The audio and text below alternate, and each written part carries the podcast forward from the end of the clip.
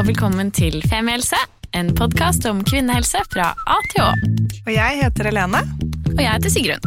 Og vi har startet denne podkasten fordi vi mener at det bør snakkes mye mer om kvinnehelse. Så la oss snakke. Hei, Helene. Hei, Sigrun. God mandag. God mandag, ja. Gjett hva jeg har gjort i dag. meg, Jeg gjetter at du har vært og løpt en tur. Ja, det stemmer, men nå skulle det være a big surprise. Nei da. ja. Men um, jeg kan melde om at det var uh, smertefullt. Fysisk vondt i lungene og i alle Ja. leddene.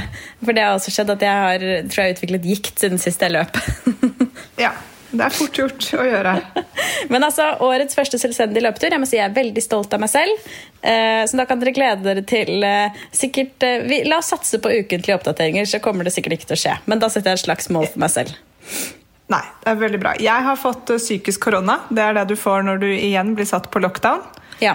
Du får ikke korona på ekte, for du er jo i isolat, men det kjennes som at man har korona. Psykisk og fysisk. Ja, Så det har jeg fått, da. Uff da. Men det går jo ofte over etter et par uker. Ja, vi får satse på det Så det er bare å holde ut. Ja. Så bra. Men vi sitter jo ikke her alene eh, Nei, heldigvis. på skjermen vår på Zoom-møtet vårt. vi har med oss eh, eh, to personer, og kan Ragnhild og Sigrun, velkommen hit til oss i dag. Tusen takk. Mm, tusen takk. Utrolig kjekt å få være med. Veldig hyggelig at dere kunne være med. Dette er jo faktisk en, sånn, en, en av de episodene som blir til på en måte vi elsker. Dere tok kontakt med oss og sa hei, vi er eh, faktisk eksperter innenfor vårt felt, som er dette prosjektet som heter Guinea, og har lyst til å fortelle dere om det. Og da er Sigrun og jeg bare sånn yes, velkommen til oss. Så det er en shout-out til flere å gjøre det, rett og slett. Tusen takk. Ja.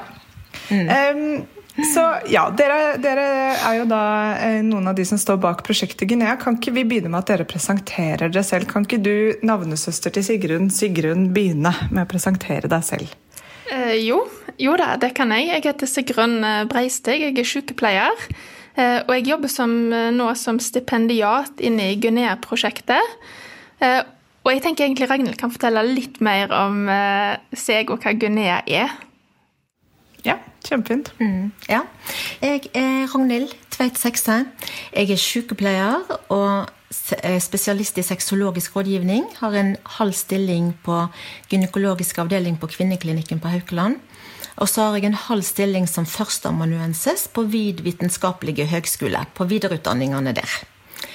Og så har jeg en liten stilling inn i det som jeg kaller for Guinea. Og det er et digitalt lærings- og mestringsprogram for kvinner som har vært gjennom ulike eh, behandlinger for under, underlivskreft. Ja, så fint. Altså, dette her er jo eh, veldig altså, Bare det at det kommer sånne programmer eh, for kvinner som har vært gjennom ulike behandlinger eller ulike syke, sykeforløp, gjør i hvert fall meg veldig varm om hjertet. da. Um, og, og, og I vanlige fall så skal jeg være helt ærlig og si at jeg ikke ville vært fan av liksom, en sånn heldigital approach på det. fordi man blir jo litt sånn Hva med den der én-til-én og sånn? Men er det én ting jeg i hvert fall har lært av denne pandemien, at man kommer ganske langt med eh, samtaler sånn som vi sitter nå. Altså nettopp det bare å få lov til å, å, å føle at man kan gå inn på en eller annen nettside og få mm. informasjon og kanskje kontakt med noen andre som har vært litt i samme situasjon, eller hva det skal være. Så jeg, ja, altså, nydelig initiativ. Ja, og det er jo det, ja, og det, er jo det Guinea er. Det er jo det Guinea er. Det er både det å kunne lese om hva, hva en har vært igjennom, og få kunnskap og informasjon.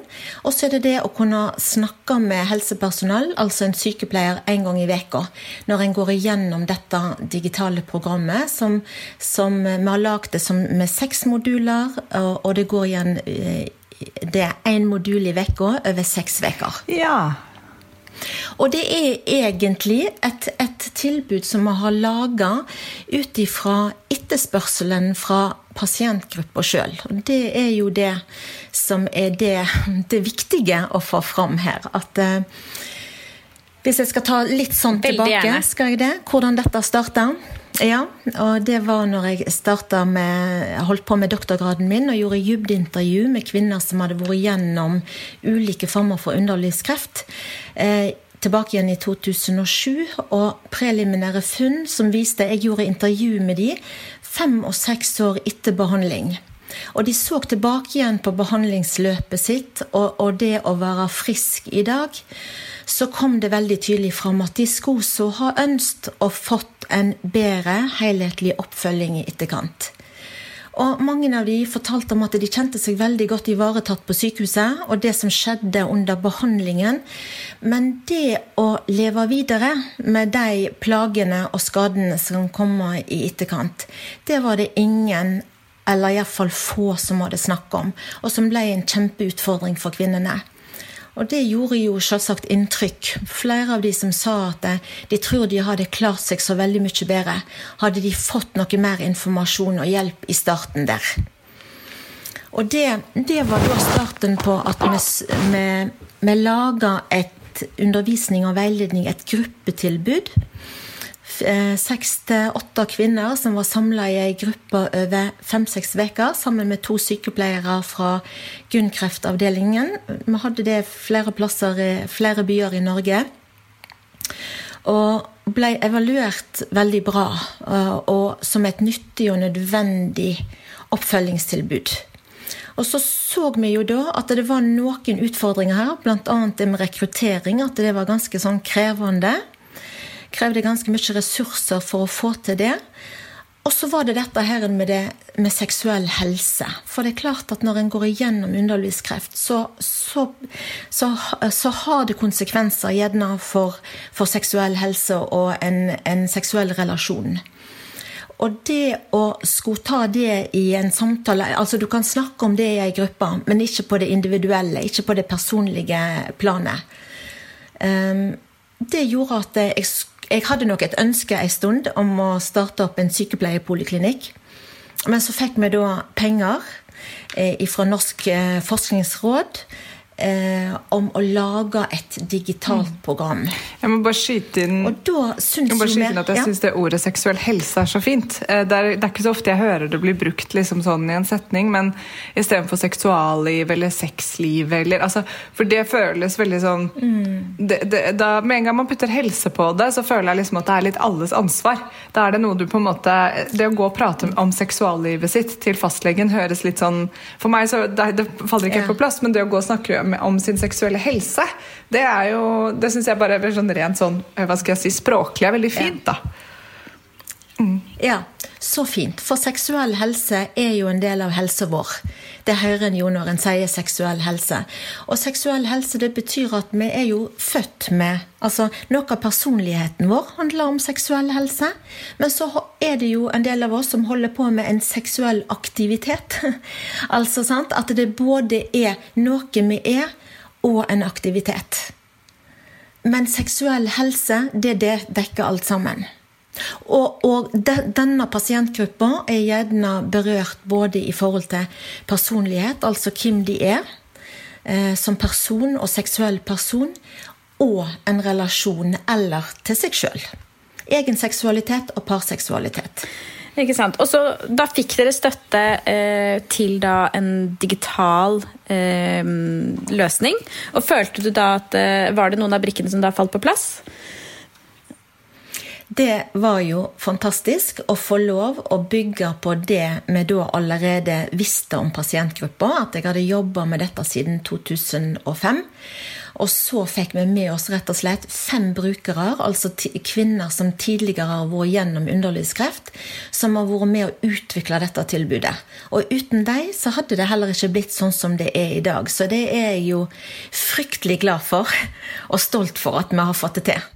Så fint. Og da må jeg bare legge til at det er jo litt av grunnen til vi hadde veldig lyst til å være med her, er at vi har lyst til å få ut denne meldingen til deg som hører på som er kvinne som har gjennomgått underlivskreft. Innen de siste 15 månedene, eller kanskje dere kjenner noen, så er det nå et sånt program eh, der en kan melde seg på for å bli med. Og hvem er det som kan melde seg på? Hva er kriteriene? Det er det at du må være ferdig behandla for underlivskreft, og så må det ikke ha gått mer enn 15 måneder siden. Og er det forskjellige ting som går inn under underlivskreft? Eh, ja, tenker du på ulike typer underlivskreft? Mm. Eh, ja, vi kan jo ta disse tre store gruppene som flest får. Eh, aller flest får jo livmorkreft. Og deretter så er det jo eggstokkreft. Og til sist, den største gruppen eller den tredje største gruppa er jo livmorhalskreft, som flest unge, unge kvinner får. Og så er det noen små undergrupper, men det er i hovedsak de tre. Hva er de små undergruppene, da, bare så vi har sagt det høyt? Det er f.eks. vulvarkreft. Ja, ikke sant? Mm. Mm. Det, går det an å si noe om eh, gjennomgående negative konsekvenser etter en kreftbehandling, som er eh, felles for mange av disse? Ja, det, det, er klart at det er viktig da å si at eh, her handler det jo om hva slags type eh, diagnose, hva slags type behandling. Men Veldig mange kan komme i en veldig brå overgangsalder. Og om en har vært i en overgangsalder før, så er det noen kvinner som forteller at det blir en ny, annerledes overgangsalder. Og sant, Overgangsalder med, med eh, hetetokter, med humørsvingninger gjerne, eh, problemer med nattesøvn, såre, tørre slimhinner. Um, og dette som vi snakket om, seksuell helse. Gjerne nedsatt lyst, redd for at det kan være vondt. Um, det at det har konsekvenser gjerne i en parrelasjon.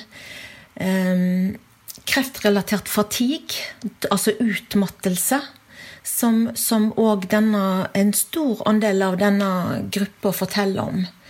At det ja, Sigrun? Ja, nei, jeg tenkte Vi må jo bare fortelle litt om disse damene som en møter når en eh, går gjennom Guinea-programmet.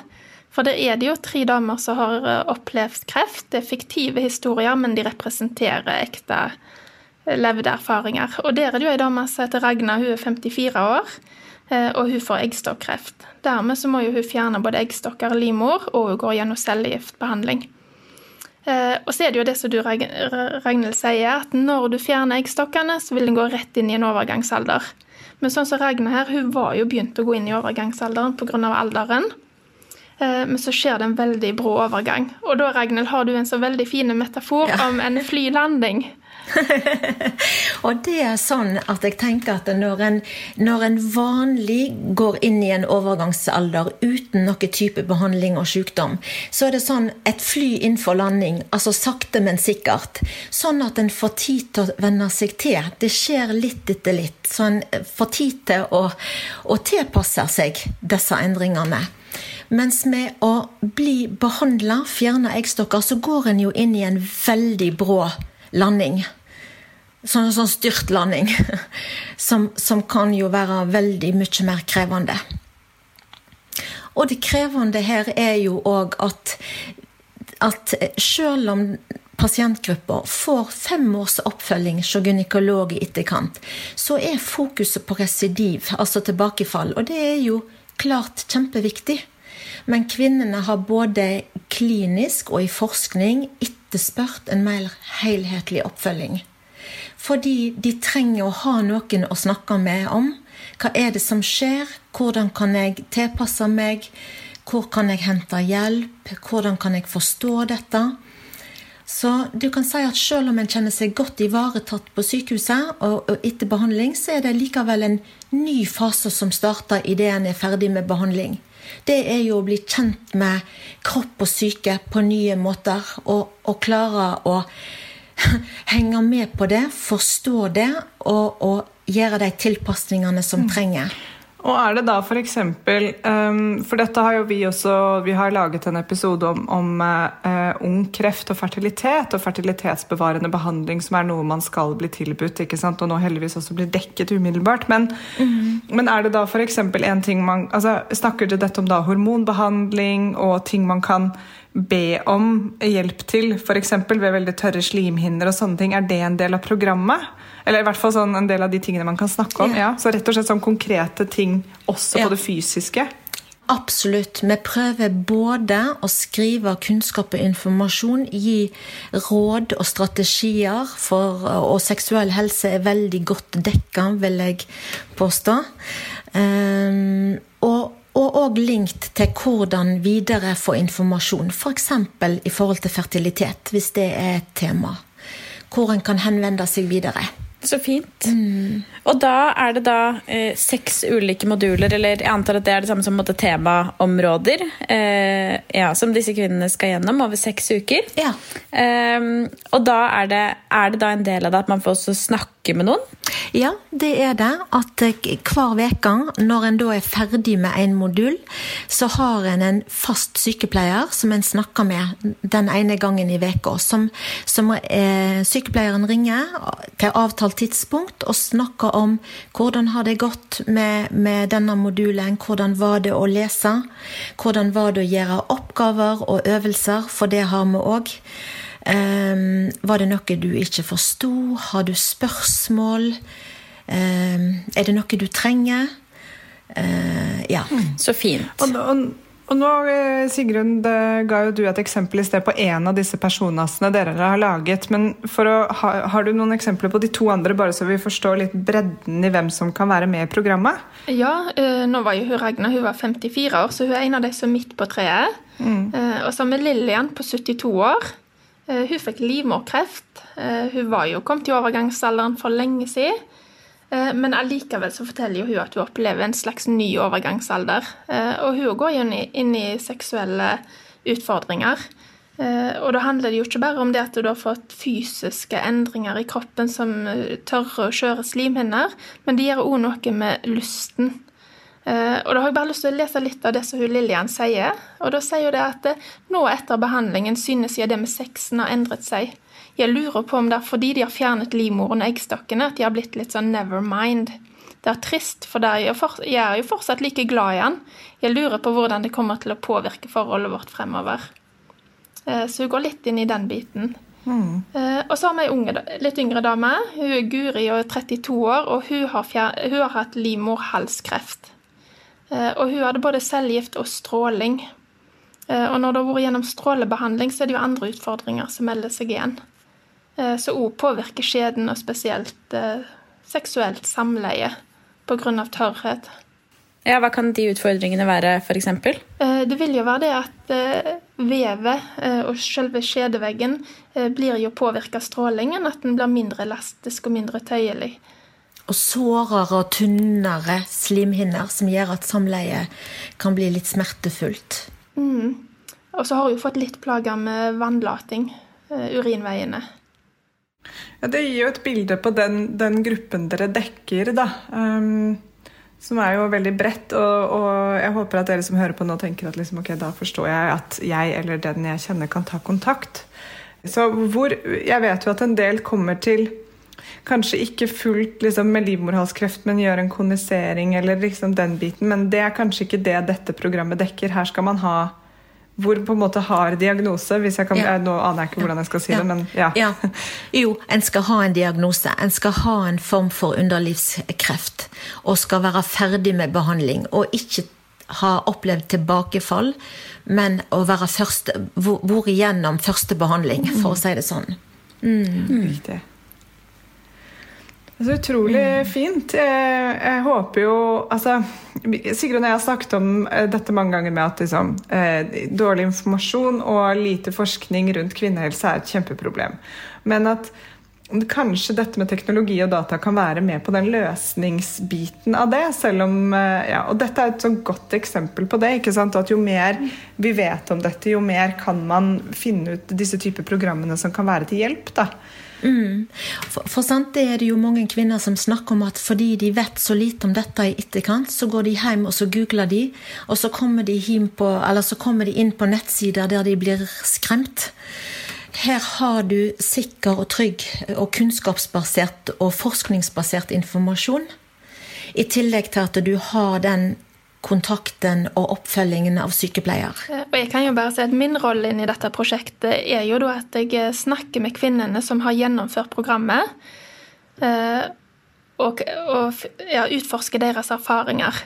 Eh, og dette er jo data som skal brukes inn i forskning, men jeg tenker jeg kan jo bare Jeg må jo kunne si det at det som mange av disse damene forteller, er jo at de er så glad de har fått være med. Eh, det er noen som har sagt at oi, jeg vet ikke hvor jeg hadde vært i livet hvis jeg ikke hadde vært med i dette programmet. Og dette er noe som alle må få være med på. Wow, mm. så fint. Ja, jeg blir litt berørt av de sterke tilbakemeldingene. Ja, det er kjempefint. Ja, virkelig.